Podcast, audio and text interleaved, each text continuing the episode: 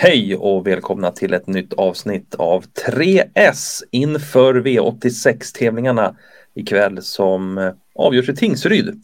Och med mig för att gå igenom våra rubriker och rubrikhästar vi har är Fredrik Lindman. Hur är läget med dig Fredrik? Tack, det är bra. Jag håller mig kall här i värmen. Jaha, ja, det är bra.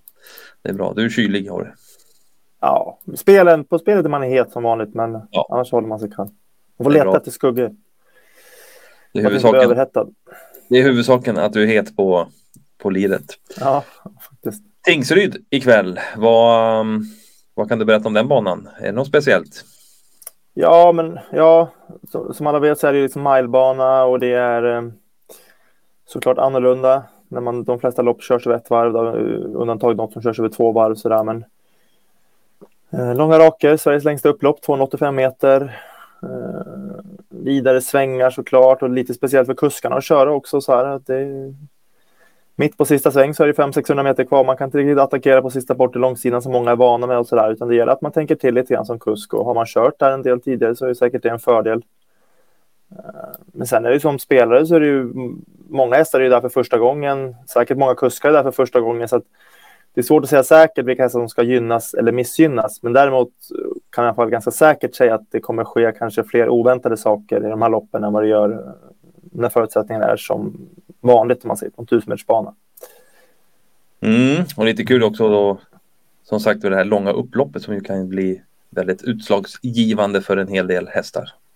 Ja, och starten blir också lite speciell där som det blir ju, eftersom det var ett varv också och mål ligger ganska sent på rakan så blir det ju Eh, ganska långt anlopp också innan bilen släpper så att de flesta hästar eh, har ju hög fart och de innersta spåren är gynnade och de som har spår långt ut är också ganska glada för det för att man har liksom gott om tid att komma ner i banan då svängarna inte är så snäva. Så att, eh, ja, jag tror att det är mer rättvist faktiskt, Tingsryd än många andra banor. Mm, härligt. Och så har vi ju en jackpot ikväll också på V86 eftersom det blev ehm, ja, rätt så favoritbetonat förra veckan i Åmål och eh, det blev jackpot på 6 rätt. Så har vi dryga, ja, eller runt 4,5 miljoner extra i åttarättspotten ikväll att spela om. Och det är ju alltid lite extra kittlande. Så att ja, jag tycker väl det är dags att dra igång rubrikerna och vi börjar ju med spiken.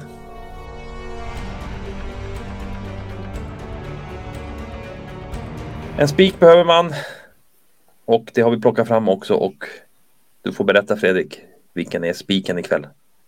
Ja, här eh, spiken, jag tänker inte krångla till det så mycket utan det är V868 silverdivisionen så har nummer fyra Hidalgo Heldia återigen en perfekt uppgift. Eh, vi har bilder här från eh, näst senast han hade samma spår på fyra. Vi ser då att han öppnar otroligt snabbt. Han vann också i loppet från ledning på 10-1. Senast så var han också snabb ut men kom inte till ledning och Lugauer eh, såg ut som att han tog upp hästen lite väl mycket första kurvan. Det kom en galopp. Eh, nu när man kan köra fullt in i kurvan och det är inte lika snäv kurva heller. Min känsla är absolut att Hidalgo Helge är gynnad av den här stora bankroppen. Eh, han är stark och tuff hästen men kan också gå i hög fart väldigt länge. Så att kort distans och utslagsgivande bana tror jag är helt optimalt för Hidalgo Heldia som ehm, jag är ganska säker på att han vinner det här loppet från ledning faktiskt. Och att han, att han inte är favorit i nuläget är ju väldigt tacksamt.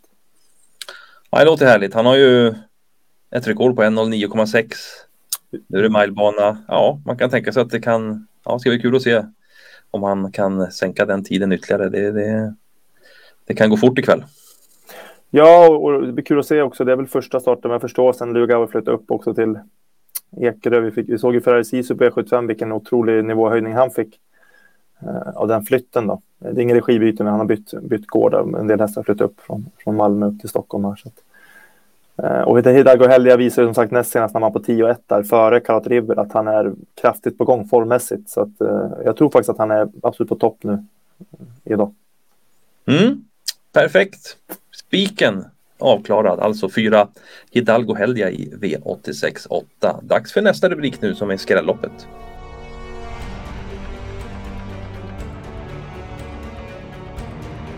Skönt att vi har spiken avklarad. En sån behöver man ju. Men man behöver ju också få in skrällar för att höja upp utdelningen. Och eh, vad ska vi främst leta skräll ikväll någonstans? I vilken avdelning?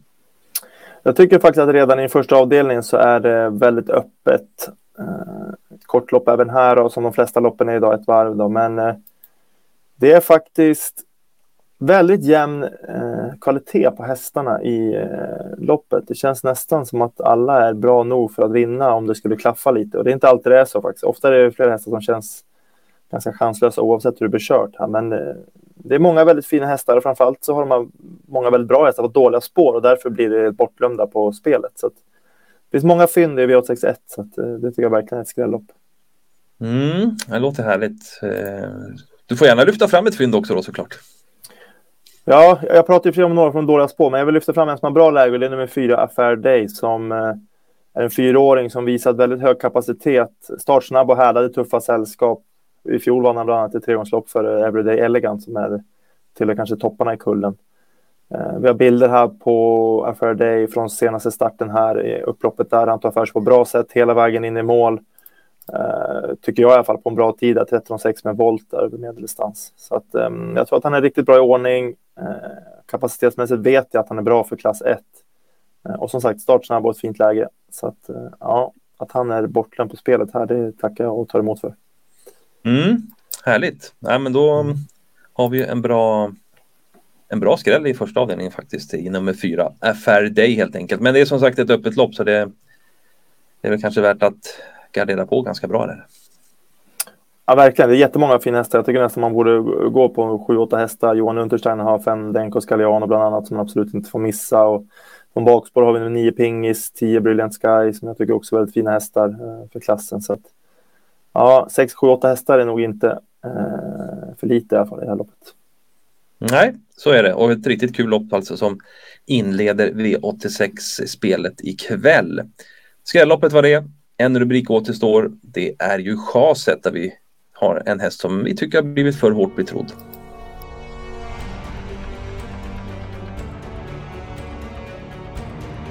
Då är vi framme vid den här rubriken där vi har en häst som vi tycker alltså blir lite för hårt betrodd i kvällens omgång och ehm, ja, vi landar i V86 4. Så vilken häst är det här som vi tycker har blivit lite väl hårt betrodd? Mm, det är gulddivisionen, högsta klassen. Eh, och eh, faktiskt nummer tre, Hellbent for Am.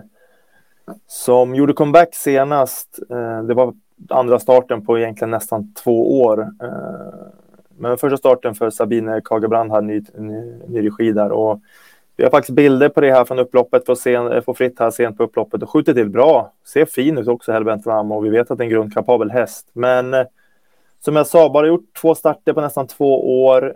Eh, och det var länge sedan han var i vinnarcirkeln. Så jag tycker faktiskt att han är väldigt hårt betrodd ikväll. Troligtvis för att han såg fin ut senast, men det var också ganska intetsägande. Det var efter en optimal resa och sådär. Så att jag tycker ändå att han... För att vara liksom 20-25 procent andra handlare i, ett sånt här, i en sån här gulddivision så tycker jag att man borde ha visat färsk eh, segeraptit. Alltså jag hade gärna sett att han har vunnit ett lopp eh, igen efter så långa uppehåll innan jag skulle tro mycket på honom. Så att, eh, därför tycker jag att han är överspelad ikväll. Mm, han möter ju hästar som har varit igång också en del och kanske behöver fler lopp också för att komma upp i, ja, i den nivån. Då.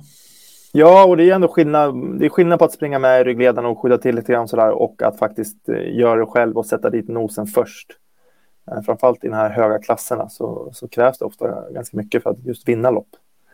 Så att, och det vill jag säga innan jag, innan jag köper honom som hårt betrodd. Mm. Bra. Då har vi gått igenom de tre rubrikerna. Va? Är du nöjd så långt? Väldigt nöjd. Det som återstår är en sammanfattning från min sida då och då är det spiken som blev i V86.8 nummer 4 Hidalgo Heldia. Och skrälloppet det var V86.1 där vi främst lyfte fram nummer 4 Affair Day som den roliga skrällen i loppet. Och så chasar vi alltså tre Hellbent for Am i V864 som vi tycker blir för hårt betrodd eh, i det här loppet.